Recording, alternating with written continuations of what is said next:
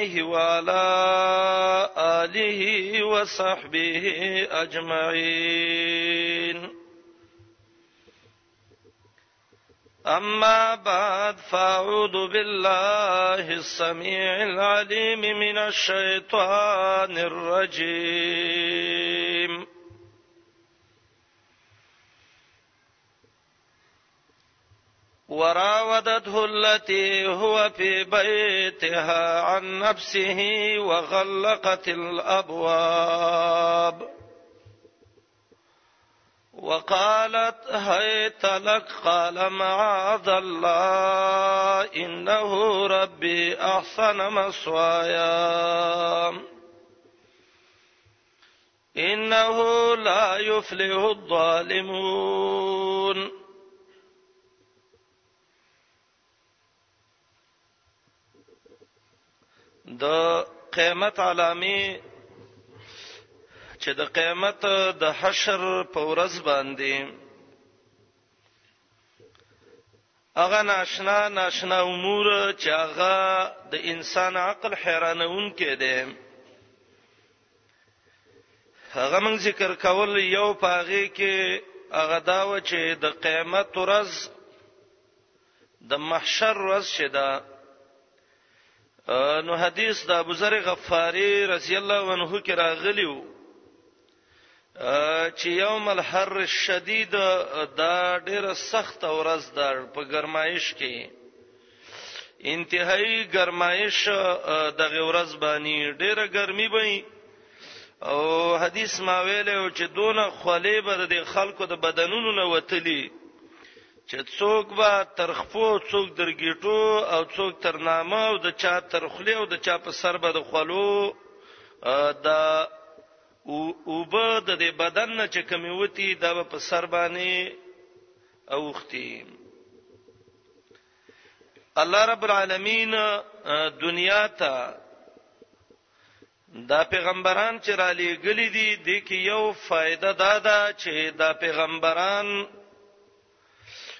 داسې لارې وخی دی خلکو ته چې د دې خلکو عقبا او اخرت د هغه په وجبانه خله او خسته او مزیدار شي نو حدیث د ابو هريره جلانه چې بخاری او مسلم دواړو ذکر کړو چې پاره حدیث کې و قسم خلق نبی علیه السلام ذکر کړیو چې الله به د جهنم د اخرت د حشر د ورځې د گرمایش نه وساتي او د حدیث کې مقصد هم دا و چې دا و عملونه ځان کې پیدا کړي نو انسانانو د دغه ورځې د ګرمي الله رب العالمین به ستاسو پر راحت او په مزو باندې بدل کړي او الله دې وکړي هغه و موږ د دې نه مخکې شپږو جمعو کې شپږ ته ذکر کړي وو یو پاغي کې دا دی چې کم بادشاه انصافي حکومت کوي ظالم نه وي بيدین نه وي نو الله رب العالمین با دغه بادشاه د دې سوري دلاندې کې امام عادل او دویمه غي کې دا وا چې ځوانان طبقه چې دا د خواهشات وخت دی دی او د دنیا د مزو او د چرچو د اغستلو ټیمی او د بدن د قوت او د مضبوطوالي وقتی نو کم ځوان چې ځواني کې د الله بندگی وکړه وشاب النشاء په عبادت الله نو دغه ځوان به الله رب العالمین د دغه سوري لاندې زیول ورکی او دریم پاغي کې چې محمد علی السلام ویلی ورجل قلبه معلق بابواب المساجد یا بالمساجد هغه ځوان هغه بوډا هغه انسان هغه د محمد رسول الله امتی چې دا غزړه د جمعات دروازو پسن خته چې بس همیشه جمعات کې ناسوي او د الله بندگی می کوله او د الله عبادتونه می کوله او ذکرونه او تلاوتونه می کوله او په جمعات کې د څه خوشاله لکه مې چې وبو کې پروتي او یا بلبل چې د باغ په ګلونو باندې ګرځي نو کوم سړی کوم انسان چې هغه د جماعت سره د سي تعلق جوړ ک د تاسو یقیني وساتئ چې الله به دا خلق د عرش د سوري د لاندې ولزې ورکی او الله دې موږ د دې مصداق مو ګرځي او څلورم پاغي کې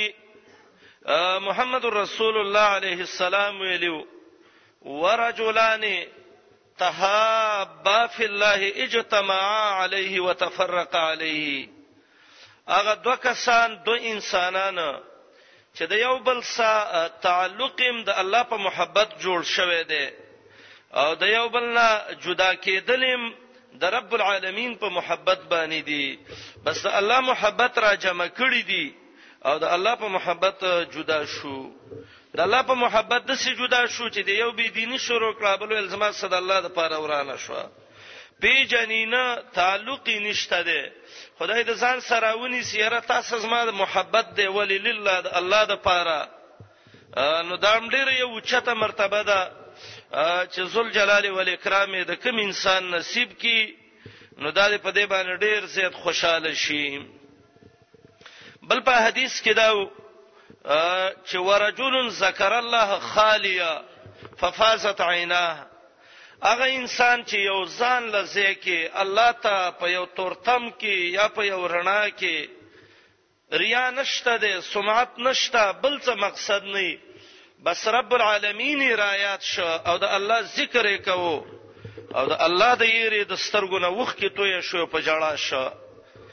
نو دغه سترګو باندې د جهنم ور څکه چې د جهنم هغه لګیم الله رب العالمین حرامي په او الله به دغه سترګو والا به د عرش د سوري د لاندې زیول ورکی الله دې موږ د الله په یادولو کې بکائین وګرځوي، ډېر ژړېدونکي د الله د یېرې نه او دا ډېر ښه صفت دی. ما پوره خطبه په دې باندې کړې وه چې البکاء من خشیة الله، د الله د یېرې نه ژړا کول د څونه حیثیت لري. او زما ورونو شپږم په هغه کې دا و چې محمد رسول الله علیه الصلاۃ والسلام ویلو ورجل تصدق بصدقه فاخفاها حتى لا تعلم شماله ما تنفق يمينه هغه بنده چې هغه خیراتونه کوي او دونه په اخلاص دونه په پټه باندې د دې ریا او د شهرتونو او د دینه د سیریږي چې په دې خلاص باندې ورکی دا خیرات نو دا غس او چپ لاس ته پتهونه لګي نو معلومیږي دا چې دا خیرات کوونکي ډیر مخلصین خلک دي نو الله ذل جلال و الاکرام دغه خلک الله د عرش د سوري د لاندې ولځي ور کوي وم چې دا زمنګ د نننۍ خطبه عنوان دی ان شاء الله وم هغه انسان چې هغه الله رب العالمین د عرش د سوري د لاندې ولزه ور کوي نو دا اووم صفت دام ډیر ګران صفت دی او جنت ډیر بهترین ځای دی نو بهترین شی چې حاصله نو ضرور ته به د هغه د پاره تکلیفونه برداشت کې یو بوټی یو د هغه نه میوه را شو کې نو دې بوټي خدمت بکې او به په سبره ورخېږي او کدی کې ازغي نو هغه به دې په دې لاسو کې ماتيږي وینه بم ده راو باسي خو ته چې هغه میوه حاصله نو ته به دا ضرور تکلیف ولا برداشت کې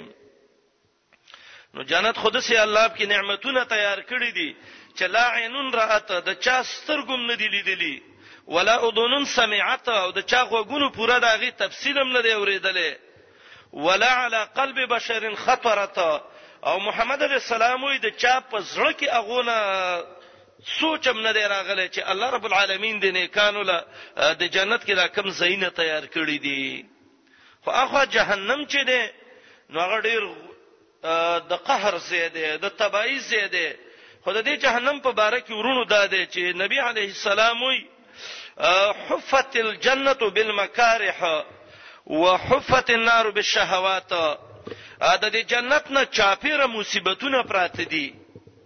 او د جهنم نه چاپیره د دنیا خوندونه او خواهشات پراته دي نو دغه خواهشات چې ته ختم کې نو به به رب العالمین د دغه جهنم نه وساتي او الله رب العالمین به جنت ته ورننه باسي او ملائک به ته وي سلام علیکم طبتم فادخلوها خالدین د الله ملمنو د رب مېلمنو په تاسې دې د رب العالمین د طرف نه سلامتی زه جنت ته ورځي خپه امن زندگی به وسلته تیروي نسأل الله ان يجعلنا من اهل الجنه زمرونو جنت حاصلول ډیر ګران شی دی والله چې ډیر ګران دی زبدون ته ویم یو حدیث به ویم رسول الله علیه الصلاۃ والسلام جبريل د معراج په شپه باندې د معراج واقعا ډیر ځل شوې ده خو هغه چې هغه جسدن او روحانن شوې ده هغه یو ځل ده چې سورته بنی اسرائیل او سورته نجم کې الله ذکر کړی دا سبحان الذي اسرا بعبده ليلا من المسجد الحرام الى المسجد الاقصى د مکینه تر مسجد اقصا لری جمعه بیت المقدس پورې د بنی اسرائیل کې ذکر ده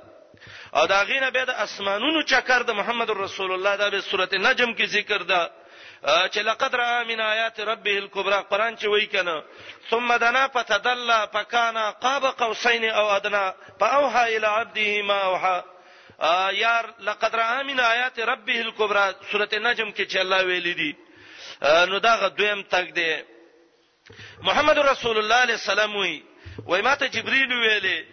چې اے دغه دا محمد رسول الله راځه زما باندې یو دون اشخنا شي نه نه ما چې تا به جون کې نه لیدلی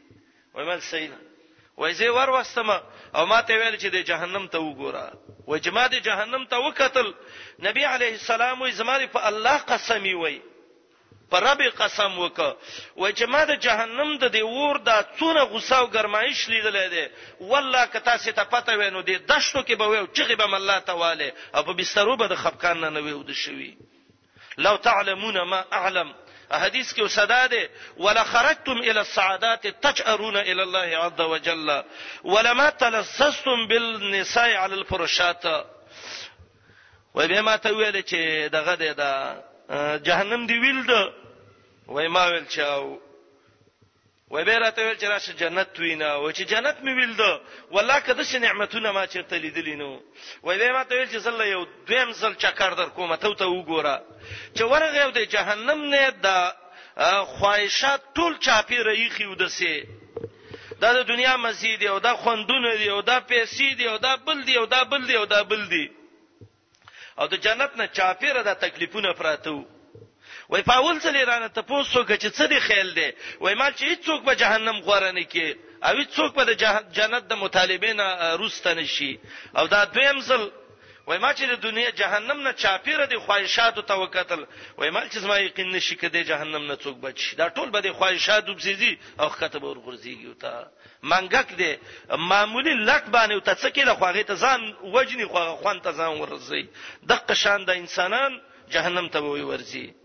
او چې د جنت نه چاپیره د مصیبتونه می ویلدل وای ما چې سویم کدی له خود څوک ورشي الا بفضل الله کدا الله احسان وشینو دا ډیر اوچت شه دی زمورونو زما د خبرې مقصد دا و جهنم چې نه دا د خواهشاتو په مینس کې پروت دی چاپیره د جهنم نه خواهشات دي او د جهنمي مینس کې دی نو کدی خواهشاتو نه چا ځان لګ وساته او د نفس اماره بالسوء تابعداري ونه کړه او د دنیا خواهشاتو په روان نشو او د شیطان خبره ونه منله نو ان شاء الله د جهنم نه به بچي او جنت ته به نرغونته د الله په فضل زی ازمورونو که څوک د خواهشاتو په روان شو او د نفس تابعداري وکړه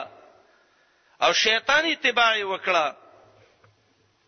نو تاسو دا یقین مکوئ کې کنه چې دا انسان به د جنت د تلو والا جوړ شي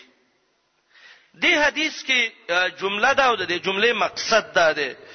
د محمد رسول الله علیه الصلاۃ والسلام چې نبی علیه الصلاۃ والسلام وي وم هغه شخص چې هغه به جنت ته ځي نو دې وم شخص لوی مقصد د دې جملې دا یو دا جمله ویم به مقصد ویم ورجل دعته امراه ذات منصب وجمال فقال اني اخاف الله اغه انسان چې هغه له زنا طرف ته دعوت ورک یو داسې خزي داسې یو زنانه چې هغه ذات منصب او جمال څه د اوچته مرتبه والام د انتهایی خایس ول الله ورکړی دی او دې انسان ته ویل چې ما سره زنا وکا العیاذ بالله ما سره بد عملی وکا او دوی ته ویل چې انی اخاف الله زد الله نه یریګم او زما الله رب العالمین به ما ونیسی او الله به می جهنم ته وروغورځي نو دقه سي خلق به محمد رسول الله عليه الصلاه والسلام وي الله بوله د عرش د سوري د لاندې ځای ور کوي د دې جملې مقصد دا لازم ورونو کوم انسانان چې د دنیا خواهشات د الله د محبت د الله د یری د الله د امید ته وجه نشاته غرزولې دي او د الله یې را مخکې کړي دا د دنیا خواهشات لري کړي دي دا خلک رب العالمین د جنت د تلو والا جوړ کړي او الله به په په ورځ د محشر کې احسان وکړي هغه احسان به دی چې الله به په یو داسې سوري کې داخل کړي یوم لا ظل الا ظله داسې سورې به چې په هغه ورځ به نور سوري نه مګر صرف او نه صرف د عرش سورې د الله رب العالمین به او دې جملې کې دویم مقصد د رزم ورونو د ایمان حقیقت ته چې سړی رسیږي شاه ولی الله رحمت الله علیه یو ځای کې لیکي و یو کیفیت د ایمان دی او یو حقیقت د ایمان دی د ایمان کیفیت خدا دی چې الله ومني د الله رسول ومني ملائکه ومني کتابونه ومني او ورځ د قیامت ومني او تقدیر د خیر او د شر د الله تر طرف نه ومني او دا پنځه منځونه وکي او زکات او روزه او حج او دته کیفیت الایمان ویل کیږي لیکن د دې نه مخکې یو دویم ضروري شی دی، هغه دا دی چې هغه ته حقیقت الایمان ویل کیږي. حقیقت الایمان څه ته وایي؟ طبیعت د شریعت تابع کول او د شهوات او د شبهات نه ځان بچ کول دې ته حقیقت د ایمان وایي. تر څو پورې چې ځان دې د اسلامي حکمونو نه دی تابع کړي خپل بدن کې دې نه دی کتلی چې زما دې بدن کې کم زید محمد رسول الله د طریقې خلاف دی خپل کاروبار کې دې نه دی کتلی ناس ته پاسته کې دې نه دی کتلی چې زما له چا سره تعلق دی او د چا سره نه دی لنډه دا چې طبيعت دې د شریعت نه تابع کړي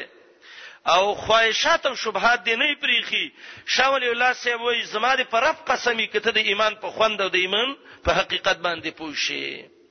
حقیقت الایمان څه ته وايي؟ طبیعت د شریعت تابع کول،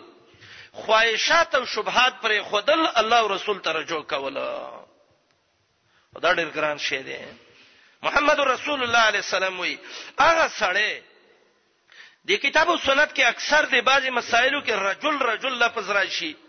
نو الته مراد سړی خو حکم خزو سړو دواړو ته کم انسان چې هغه یو دسي انسان مطالبه د ګناه ته وکړه چې مانع منس کې نه انسان دسی دا زنانه چې هغه خایسه برابري ذات منصب و جمالي او قادر دا سړی په دې باندې چې زه دا ګناه وکم او دا ګناه نه کی دغه وخت کې تیر شي دغه خلک بل الله د عرش سوري د لاندې ځای کوي او د دې نمونه موږ سشته ده زمنګ په دینونو کې ماشاء الله قرآن کې مستقل سورت الله یو ذکر کړی دی سورت یوسف تقریبا په تدبر او تأمر سره د الله په فضل باندې قرآن دی سورت یوسف کې چې الله دې ته احسن القصص ویل دي نو تقریبا یو عالم 1500 فواید ذکر کړی دي چې 1500 فائدې دي صورت کې د علمي یو پاغه کې دا ده چې مصیبتونه بر باندې راځي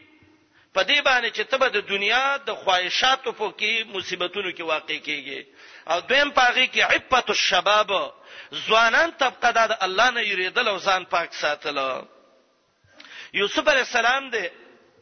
د یعقوب علی السلام بچی دی د اسحاق نو سه دی د بابا ابراهیم نو سه دی او نبی علی السلام نه تپوس شوی چې خه خلک څوک دی هغه یوسف ابن یعقوب ابن اسحاق ابن ابراهیم خلیل الرحمن دغه خلک خه خلک دی دا یوسف علی السلام دی الله رب العالمين د نیمې دنیا خایس ولا ورکړی دی حدیث کې راغلی دی او دا یوسف انتهایی عفیف او فاک سړی دی مصیبت پر راغې ورونو کویته وغورځاو او هغه خرڅ ک وګدا واقعا د قران سورۃ یوسف کې ذکر کړی دا لنډه دا چې مصر کې یو گورنر وو چې قطفیر یا اتفیر نومیو او دا هغه خزه و راعیل یا زلیخه په نوم باندې دا د دې سدي کور کې خادم شو او کله چې د کور کې د دې سره خادم شو د الله امتحان ته پیو ګوري د چا مرتبه چې څونه او چته الله په غونه غټ امتحان راولي د یوسف علی السلام چې وو دا د الله نه ډیر یریدا او پیغمبر ولی به د الله نه نه یریدا د دې گورنر خزه د یوسف علی السلام نه مطالبه د بدعملی وکړه وراودته التي هو في بيتها عن نفسه او مراوده دې ته وای چې ستاده یو مرګ مرګري سه یو شی او ته ته غواړې وغیر لنه درکې ابو حیان لیکلی دی البحر المحیط کې امام قرطبي وای دې ته په اشارو اشارو د یوسف علی السلام نه د بدعملۍ طلب کوو یو ځل یو ته ویل یوسف محسن صورت وجهک خسته مخلل الله دې انسانیت کې درکړې ده و یوسف علی السلام ته ویل چې ته څه کې صبر رحیم سورنی ربي زما الله په خپوی ته د مور رحیم کې الله را کړې ده الله کارونه ګوتې مو واه دا مسكين په دې څه پوي چې د څه مقصد دی نو به وته وي یوسف ما احسن عینک د سترګې څه ولې د خسته دي الله له خسته سترګې درکړي دي هغه ته استاب کې کار نشته به همان زور اله رب خپل الله ته په قیامت کې ګورم نو په خسته سترګو چې الله ته وګورم ډېر خوان کوي داغه مقصد دا دی د یوسف مقصد دا دی د خبره بدله کی بیا ورته وایي، یوسفه! انظرني، ما ته لږ وګوره. نو یوسف علیه السلام ورته وایي، اخاف العمي، یریږم ړوند به شم که ته وګورم. سترګې الله راکړي دي، غلط ځای ته به پرې نه ګورم. بیا یې ورته ویلي، یوسفه! ما احسن شعرک، تا له خو ناشنا ویښته الله درکړي دي. نو یوسف علیه السلام ورته وایي چې بس هو اول شیء یبلی مني فی قبري، زما قبر کې د بدن نه اول به داسې دونه پسې مه دغه کېږه، دونه ښه نه دي. مطالبه چې اخر کې سخته وکړه القیتون فرشته لک دا یو قسم له بستر ده نو یوسف علی السلام ته وی القیتون لا یسترونی عند ربی د الله نخمه پټولې نشي بته ظالم ورمنډه کړب سي یوسف علی السلام هم ته منډه واغستا وغلقت الابواب قران وې د دروازې هم ټوله بند کړې وي وقالت هيت لک دعوت بد عملی له ورکړی او یوسف دی ځوان دی د بادشاه کور دی مانع دی نشته دروازې بندې دي لیکن یوسف علی السلام څو قال معاذ الله انه ربي احسن مسوایا الله سپنا غواړم الله زما رب دې ګورسي بچي کور ترا وستم نو زه د الله په بندگانو کې خیانت وکم دې تاسو مورونو عفت ویلې کیږي او بیا یوسف علی السلام مسکین ډیر مصیبت زده شو قران ذکر کوي دروازې لورغه هغه بار زور کوي د دروازې باندې کړي دا تر شانه زور کوي استدا جس کمیسه مشله او د غریب سړی یو کمیسه هغه چې وشلېږي دروازې کولا او کړه ګوره دې مصیبت ته وګوره و الف یا سیدا هله د الباب گورنر د عزیز مصر ولال دی نو بیرته د خزي چالاکی وکړوي ما جزاء من اراده به حق سوء ګور ستا په اهل باندې بد عملی اراده کړې ده ګنام دی وکړه او څوک چې یو ګنا کوي دا تاسو تجربه وکړي یو ګنا چې څوک کوي هغه بلی ګنا تراکاږي ګنام دی کړي وا کمی سیم په دې غریب شلولې دروازې هم په دې څه باندې کړي او چالاکیم وکړو ما جزاء من اراده به اهلی کسبه او بیرته قاضیم دی په خپل فیصله کوي وجنه بینه الا یسجنا جیل ته واچو یو عذاب ورکا یوسف علیه السلام عزیز مصر حیران دی چې دا څه چل وشو یوسف حیران دی چې دا په څه مصیبت واوختم یا الله د دې کور مالک به وي چې دا دې سړی په څنګه زما کور کې د خیانت اراده وکړه عزیز مصر خپه ناس دی صحیح روایت دا دی چې دا د دې خزي یو د ترزیو نو هغه ته پوښتنه کوي ولی یره یو کورنۍ معامله مې دا ډېری ګډوډ کړې مې څه چل وکما وای څه معامله شوی ده وای دسې وای څه جنګ ګزارز خو پکې نه دی شوی وای نه او یو کار شجه کمیس شلیدلې دی پکې هغه نو ښکار خبره ده ورشه کمیس ته وګوره کله مخې نه کمیس شلیدلې نو خو یوسف به مطالبه کوي او د خزي به لاس راچلې کمیس به ولشلولې او که کمیس د شان شلیدلې نو یوسف به ته تیخته کوي او دی به لاس راچلې کمیس یو کته هم د شاتر پښلیدلې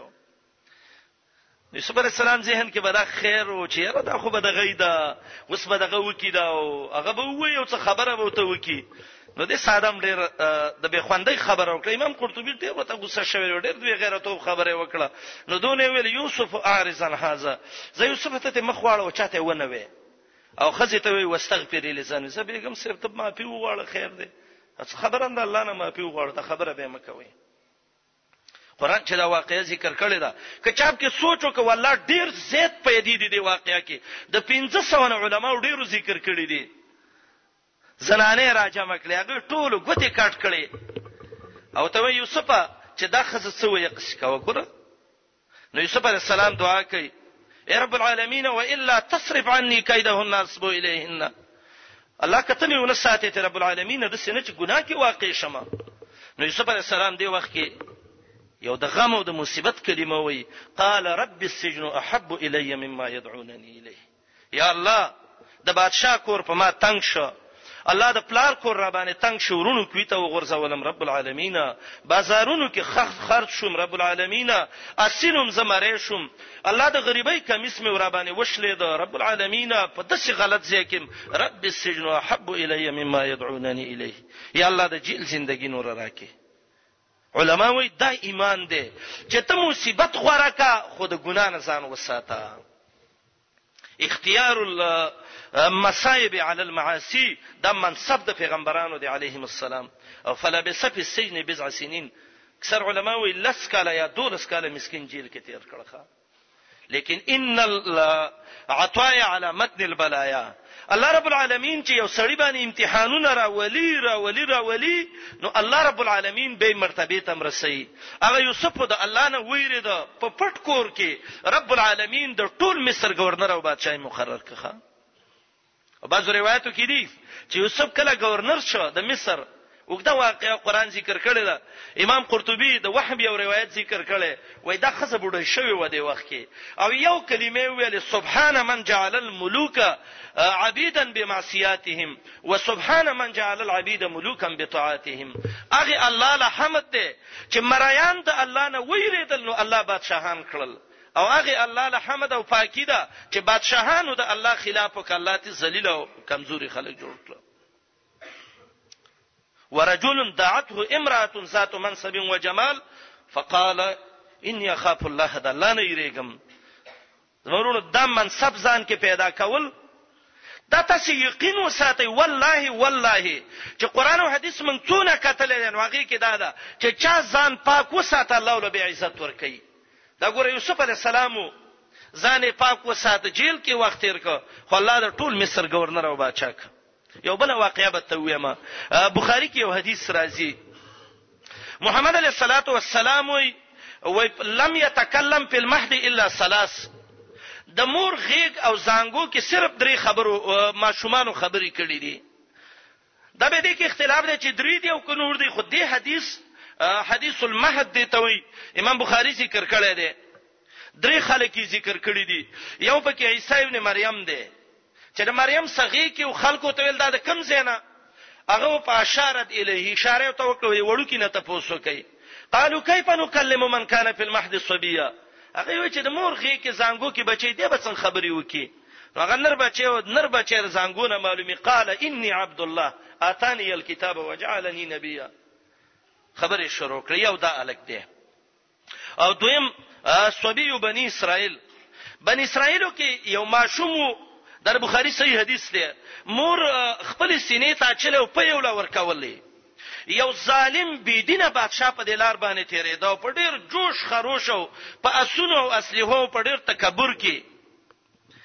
اکثر د میندو عادت دا دی چې کله د څه څوک ویني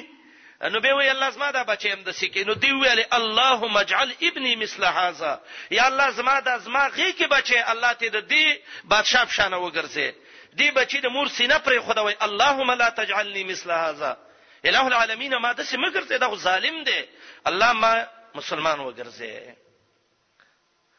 او هم دقه ماشوم دی یو سنانه ده وینځه ده مؤمنه ده او خلکو نیولې ده وې او ډبه یې او ته وې چې سرق ته وزنې ته زنا دې کړې ده او غلا دې کړې ده هغه قسم په الله ما نه ده کړې وې غلا دې کړې ده او زنا دې کړې ده وې زماره پر رب قسم ایمان ده کړې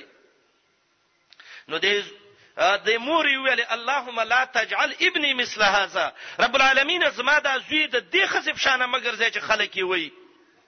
نو د به د مور سینه پر خو د ویل اللهم اجعلني مثلها الله ما د دې پښانه وګرځي خیر دی ستا په دین کې دی واله شمه خو چې ستا په نسبانه الله رب العالمین زپاکې ما مور عائشه رضی الله عنها وی بخاری کې حدیث ده وی و توره خزه بزما خواله راتله او ډیره خوګه بډای و دا او ماته به خوګي خوګي خبرې کولې ځکه زه چې واده شوم زه کم عمره وم نه کلنۍ کې واده شوی و نو دا بډای براتله او ماته به ډیره خېخي خبرې کولې او کله چې به بلاله مسجد نبوي کې خدمتم کو خو چې خواته به میکیناسته دا هم د بخاري روایت دی، وایي دا یوه خبره به دې بوډۍ همېشه کوله، ویوم الوشاه من تعجیب ربنا الا انني من بلدة الکفر انجاني ا د هار ډېره ناشنا ورځ وه، وایي بیا به یې ویل، وایي یو ورځ مې ترې تپوس وکړ چې خاله دا راته ووایه چې ته دا همېشه وایې چې هغه د هار ډېره ناشنا ورځ وه، دا څه قصه ده؟ وایي ما ته یې ویل چې زه یو کافر وینځوم او ما به د هغې زوی منوو او د هغې دې غاړه کې یو امیل پروت و او دا ډېر قیمتي و او دا ماشوم مې غېږ کې و او بس دا امیل وشلېده، دا د بخاري روایت دی، او ښکته وغورځېده او هوایي یو مرغه راغی ویسته یې اوچت کړ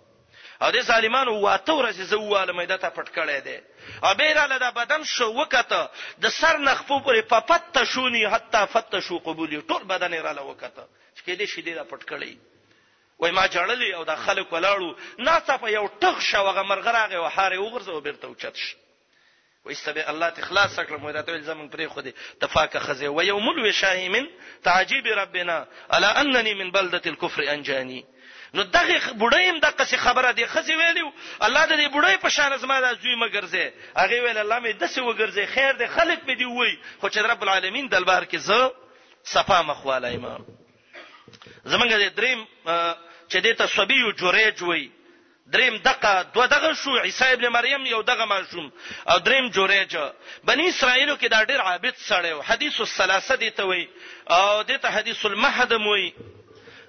او دا جوریج ډیر ښه عبادت یې کاوه یوه ورځ عبادت خانه کې ناست دی او عبادت کوي، یوه ښځه ورله راغله، فتهیأت نفسها، ځان یې ښه برابر کړی و او ورته یې ویل، ای جریجه! ما سره زنا وکړه، بدعملي راسره وکړه. جریج ورته وویل، مخ دې ورک شه، پاڅېږه دې ځای نه. هغه لاړه، سبا له بیا راله بیا یې وشړله، دریمه ورځ باندې چې دا راله نو جریج وشړله، نو دا لاړه او د یو شپنکي سړي بد عملي وکړه او زنا یې وکړه، الله رب العالمین دې زمونږ امت مسلمه د دې نه وساتي، محمد رسول الله علیه السلام وایي، په زنا باندې انسان د دې ایمان نه داسې وځي لکه د یو انسان د یو مال په غاړه کې چې یو پړی یو تیتی راوباسي او دغسې یې پرېږدي. دا ایمان ته دقه سره وزي ان الايمان لا يخرج من عنق الظنات هغه روایت مسند احمد کې راځي د زناکار د مرینه د ایمان دغه سره وزي مشکات کې حدیث دی لا یزنی زانی هنا یزنی وهو مؤمن زنا چې زناکار کوي نو د دکی ایمان نه وي بعضو روایت کې د ایمان ته د چترۍ په شان بره ولاړی او بعضو روایتو کې دا چې حلال غنی نو بالکل دا کافر کیږي په دې باندې که حین د زنا حالت کې چا ملک نو دای د کفر حالت کې ملک دی حدیث نه دا معلومیږي او رب العالمین وایي په هیڅ شی باندې نه خپه کیږي څونه چې په زنا باندې خپه کیږي قران کې امام ابن قیم وایي درې چیزونو ته الله خبيث ویل دي یو مشرک ته خبيث ویل دي الله رب العالمین وای د دې مشرکانو په باره کې چې دا نجس دي پلیت دي دا باندې پرې دی او دویم لواتت بد عملی کول د لکانو سدیته خبيث ویلي د لوط علی السلام واقعې کې راځي د دا قوم وو چې هغه عمل عمل کو الخبائث او دریم د زنا په باره کې الخبیثات للخبیثین سورت نور کې راځي وای دا ولی امام ابن قیم وای زنا دینم د سړی خرابوي او د اخلاق هم خرابوي انسانیت نسب هم ولا خرابوي او د دې ټولو نه لوی اداره چې رب العالمین په هیڅ شي دونه نه غوسه کیږي لکه په زنا د زناکار چې غوسه کیږي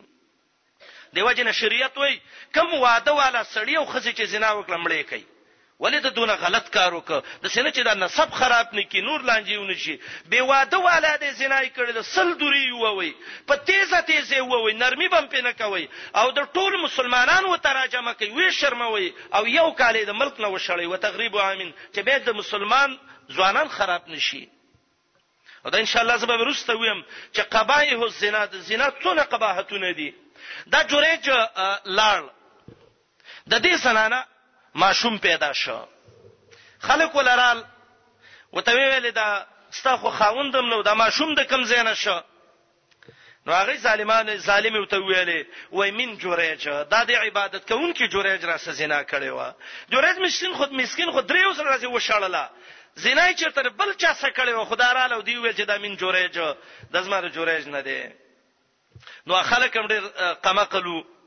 نورال د جوریج عبادت خانه هم وسوځله ولا ارڅ یې ولا وران ک او میدان ته راويست چې تا مونږ وجنو ته د نیکانو په جامه کې د سبد عملونه کې ته پوس مو پوس نشته دی جوړه دی یو دوه رکعاته مونږ کوي ما وجنې خیر دی یو دوه رکعاته مونږ د پاره ټیم راکې او ویل رب العالمین مرګ خرازی الله والله ډیر په بدنامي بمړ شم الله ته زما صفائی وکینن الہ العالمین ویلا ماشوم راولي بخاری کې روایت ده چې ریوس پتانه په بطنه دې ګوته باندې د نيزيب شان په دې ګړه د سیو وتویل بچي ویوس ماشوم من اباک پلار دې څوک دې من ابوک ترشته زما زوی د دوه ورځې یا د یوې ورځې ماشوم دی هغه ته وای نه ابي الراعي فلان زره پلانیش پنتی نه پیدا مستانه نیمه الله له عزت ورکه ته ځان پاک وسات الله دې به صفا کوي مور عائشه پاکه و بدنامه په ولګیده سورته نور کې دي د اسمان نه جبريل راغی وحي راوړ چې ان الذين جاءوا بالافك عصبه دا دروغجن دي نو دای به جوړه ته ویل اوس د عبادت خانه د لده سرو د سپینو نه جوړو هغه چې څنګه برانه کړي د قصې جوړه کې ستاسو د بادین نظم توبه ده زما ورونو امتحان راغې او دا جوریج باندې ولې دا امتحان راغې د دې علت جوریج ذکر کوي وای ما د خپل مور خبره نه ومنلې مونږ باندې ولاړو ما مور مې راته غاګو کا आवाज وکي یا جوریج اے جوریج راشه وای ما دې ړکی ویل چې یو طرف ته مور ده او بل طرف ته مونځ دی زه دا مونږ د الله حق دی دا به ته زور مخ کې کما سبا له قسمت ته ګوره به आवाज وکړه به په مونږ ولاړوم نو درې مور سما د مور د خلینو یو خوشی خبره وته باید دا مین د مصدغونه کی بچی ته په کار شي وای الله دې لیوانه که په غر روان شي نو چې هغه به سې چغه وای نو به دې وسه خله د غوګونو پورې وازه کړي د څه چلوش نه خیره مکوي دا ډېر خوشي مرز دی نبی علی السلام وي دی ورځ کې یو ټیم دی چې مؤمن پکې خیره او دعا وکي اک پکې الله قبلې نو د دې د مور د خلینو یو ډیره یو نه اهل خبره راوته وی ویلې جوریج الله دې هغه پورې مو وجنه چې د زناکارو جنکو مخونه ویني نو جریج وایي، دا زما د مور خیره وه چې په ما باندې ولګېده چې الله داسې امتحان کې زه واقع کړم. زما ورونو داسې وخت کې چې انسان ځان وسپاري، عفت وکړي، نو الله رب العالمین به دې انسان له د عزت ژوند ورکوي. جریج الله ټولې دنیا کې به داسې مشهور کړ چې نن هم په احادیثو کې د دې فضیلت ذکر دی. دا ولې؟ ان العطايا على متن البلايا مصیبت چې راځي او د دې نه وروسته الله به سړي له انعام ورکوي، الله له ښه ژوند ورکوي، فلنحيينه حياة طيبه، الله له حياة طيبه، یو پاک او د عزت ژوند ورکوي. سل کاله ژوند دي، خو چې د بدنامي ژوند دي، دا غل دی، بدعمله دی، نو د هغې نه یو ورځ ژوند د ایمان سره ډېر غوره دی. الله دې زموږ ایمانونه ښایسته کړي او الله دې زموږ ژوندونه حياة طيبه وګرځوي. او چا چې د الله نه یېره کړې ده او په زنا او په ګناه قادر شوی دی، دا یو خبره لږه ډېره ذهن کې کېنوئ، د ګناه د انسان اله انسان ته پته لګي چې دا په ګناه باندې قادر شي نن زه وایم که زه بادشاه شوم زه به ډیر انصاف کوم خو دا زما پته نه لګي دا اله پته لګي چې سړی په منصب باندې ودرېږي نن زه وایم که ماله یو و رتبه الله راکړه او د چا په مال باندې مسلط کم زبر ډیر داغي حق رسوم خدا علی انسان ته پته لګی چې پر دې مال ولا مخې لراشي چې دا به څه کوي ته وایه زه شراب نه څکم او شراب دې په سترګو ندي لیدلي، ستا د شرابو د نه څکلو تقوا به هله معلومېږي چې ستا مخې ته پراته یي او ته ترې ځان وساتې، په دروغو قادر شې او وینه وې ځان ترې وساتې، په زنا قادر شې او وینه کې ځان ترې وساتې، په د قتل قادر شې او وینه کې ځان ترې وساتې، دې ته ایمان ویل کېږي. ورجل دعته امرأة ذات منصب وجمال فقال اني اخاف الله حدیث الثلاثه بخاری کې یو روایت راځي او دې حدیث کې مقصد هم دا دی چې نیک عملونه وکړي په خپل اختیار سره د ګنا نه ځان وساتي او به چې کله راګیر شوی نو دا الله ته وسیله کوي الله به تاسو ته لارې کولاو کی امام بخاری درې ځای دا روایت ذکر کړي حدیث الغار دی ته وایي درې کسان وو، یو غر ته لاړ، بخاري کې روایت دی، باران ورېږي، دی د باران نه یو سمڅه ده، یو ګټ دی او د هغې ویښ ته ورننوت چې ځه باران به ختم شي، موږ به بیا کور ته لاړ شو. هغه ګټ د الله په فضل باندې راغی او د دې غار دا خولې ونیوله او بند شو دننه. ټلیفون نشته چې چاته خبر وکي اواز نه اورېدې کیږي غر دی د دې خلکو دغه وخت کې صرف د یو الله رب العالمین سره تعلق پاتې شو چې الله علیم بذات الصدور دی یو بل ته وي اوس به څه کوو ګټه اړولې نه شو خبر نه زی خلکو ته پته نشته من به دې زنه څنګه وځو وسه نو یو بل ته ویل راځي هر یو تن وګورئ چې په ژوند کې کوم نیک عمل کړی دی، دا عمل الله ته وسیله کړئ او ان شاء الله الله به موږ دې ځای نه خلاص کړي. دا یو پاڅېدو او یو دوه رکعاته مونځ یې وکړ او به یې ویل رب العالمین ما یو عمل کړی دی الله که دا مې ستا د رضا لپاره کړی نو رب العالمین موږ د دې مصیبت نه خلاص کړي. هغه دا دی چې زما سره یو مزدور و، د سهار نه مې ورسره خبره کړې وه چې دونه روپۍ به درکوم د ماښام پورې او بل مزدور مې ماسپښین ونیو او د هغه د روپو مقدار مې ورسره خبره کړې وه، تاله به هم دونه درکوم خو ما سره کار وکړه، کېدای شي دا یو کمزوری او دا یو قوي و، یا د یو څه ډېر ضرورت و دې بل ته دونه نه و، کله چې مې ماښام دې یو له پیسې ورکولې هغه سهارنی مزدور خپه شو. راته وی ویل چې دغه دی دا څنګه د نیمه ورځ کار کړی دی او ما پوره ورځ کار کړی او زما د دیړی یو شان دی ما ته ویل چې زما ستا خو عقد شوه دی او بس خپل وادي باندې دغه مې درک سړی خپه شو پیسې وانه غسته دا پیسې ول ما چلولې چلولې تر دې پوري چې د د وخان مې مولا په واغستل غواګان او ګړي بيزي رمې جوړې شوې څو کال وروسته دا سړی راغی ویل غریبۍ راغسته ما او کمال هغه خپل پیسې راکې یو ورځ دوه خو به تیر شي وای ما ته ویل چې دا قطیع الغنم قطیع البقر او قطیع الابل دا د وخانو رامي او دا د غواګانو د ګړو دا ستادي او دا واخله هغه ته ټوکی را سیمه کوي تا مال نیمه ورځ دی اړین را کوله اوس ما ته دا دون را میرا کې غویل ما د الله لپاره ستا دا پیسې په تجارت، مضاربت چلولې دي، چلولې دي حد ته رسېدلې دي او زه تا نه کمی نه کوم، د الله په نوم مې دا کار کړی دی او دا واخله ځه. سړی خوشحاله شو، رب العالمینه! که زما دا کار ستا د رضا لپاره وي، الله موږ د دې ګټې نه خلاص کړي، الله! موږ راګیر شوي یو، مرګ په سترګو وینو. حدیث کې راځي، فانفلق الحجر، دا ګټه وشلېده. داسې عمل وکړئ، دا بیا ګټې ته وشلېږي، ګټې څه چې فولاد او اوسپنې هم بیا شلوي. دا دویم را پاتید وای مرګره وستان امبر شه اگر هغه وای ای رب العالمین الہ العالمین زش پن کې او مګړې می ساتلې الله او زه د څه وخت راغې چې زما خزه مړه شو بعضو روایتو کې دی وسه او زما واړه واړه بچی پاتې شو او بوډا پلار او مور مې وو. یوه ورځ مې ګړې ساتلې، ورځ یخه وه، ګړې زما نه ډېرې لرې لاړې او کله چې زه ماښام را ورسېدم، نو زما عادت دا و چې به رالم، نو ما به ګړې ولشلې، پۍ به مې راواغست، نو اول به مې خپل پلار او مور پرې ماړه کړل، بیا به مې خپل بچي پرې ماړه کړل. نو زه چې رالم او ما ګډې را ورسولې شپه د سینا وخته شوی و بچی می وګیو او دادا و به می پلار او مور دا دغه ودا یخو ودو پلار او مور ډیره لوی سرمایه ده د انسان د دعا زی خو کڅو کې په قدر پويږي او د دې له انسان ته پته لګي چې به دا نه وي وزي دعا ته وغواړه راځي دعا ته وغواړه نو ما وای دا پی راوړل او زما د پلار او مور سر ته ودرېدم او یو سوچ مې دا دی که وسه را پاتوم نو د دې خوب به خراب شي او کني را پاتوم نو وګي ود شوې دي او زما دا بچي زما د خپو کې د سکړن چې دل د ولګینا خو ما نه غوښتل چې زما بچي ماړ شي او زما پلار او مور دا وګي دې ته ایمان وای ښا چې خپل بچی باندې پلار او مور ورمخ کې کا تر دې پوري دا بچی می په جړا جړا کې زما خپو کې ود شو ټول ورځ می کړي او بيزه ساتلې وي یخ ورځ وا سبا اذان وشو زما پلار او مور را پاسید ما ته قصې په نیولې وو اے الہ العالمین که زما دا خوب پر خودل دا د پلار او مور خدمت او دا د بچو وږي اوده کېدل د ژړا څخه او د پلار او مور غوره کول په هغې ستا د رضا لپاره يي الله د دې تورې ګټې نه هم خلاص کړي الله موږ راګير شوي يو نن حديث کې راځي دا ګټه نور هم وشلېده خو دی په وس نه وو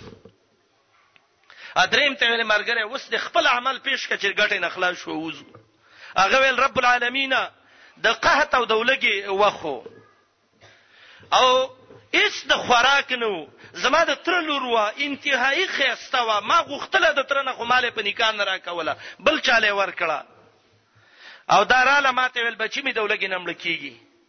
او مال سراکه وای ما ته چې نه در کوم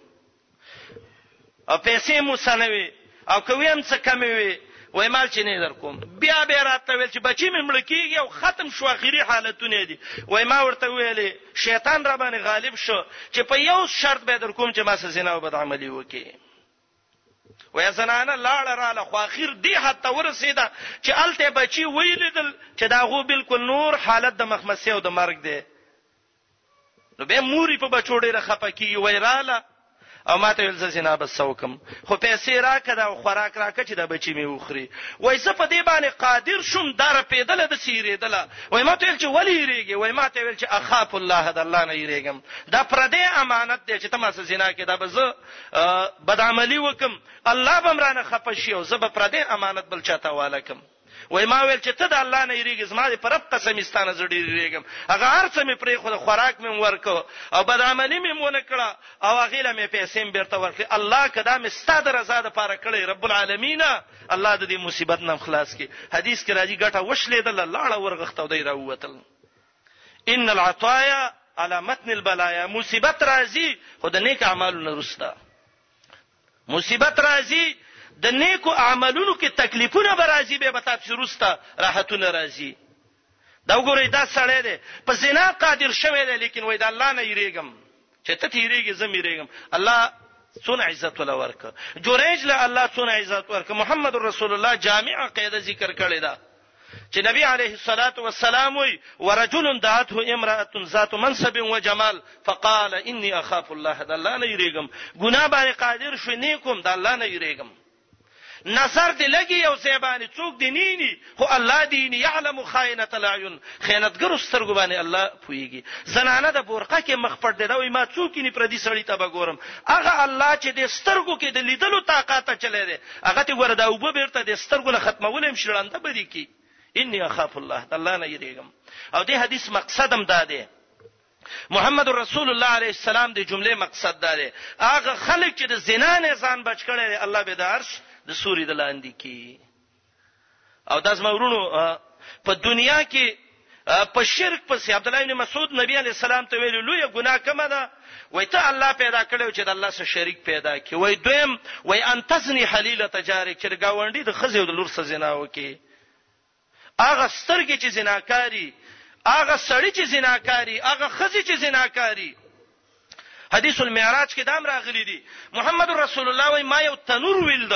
چې د یخ کې څه خزي او سړی بربند پراته وو او د لامبو برزان سره او چت کړو د سر ته به راور سولو به به خته ورو غرزول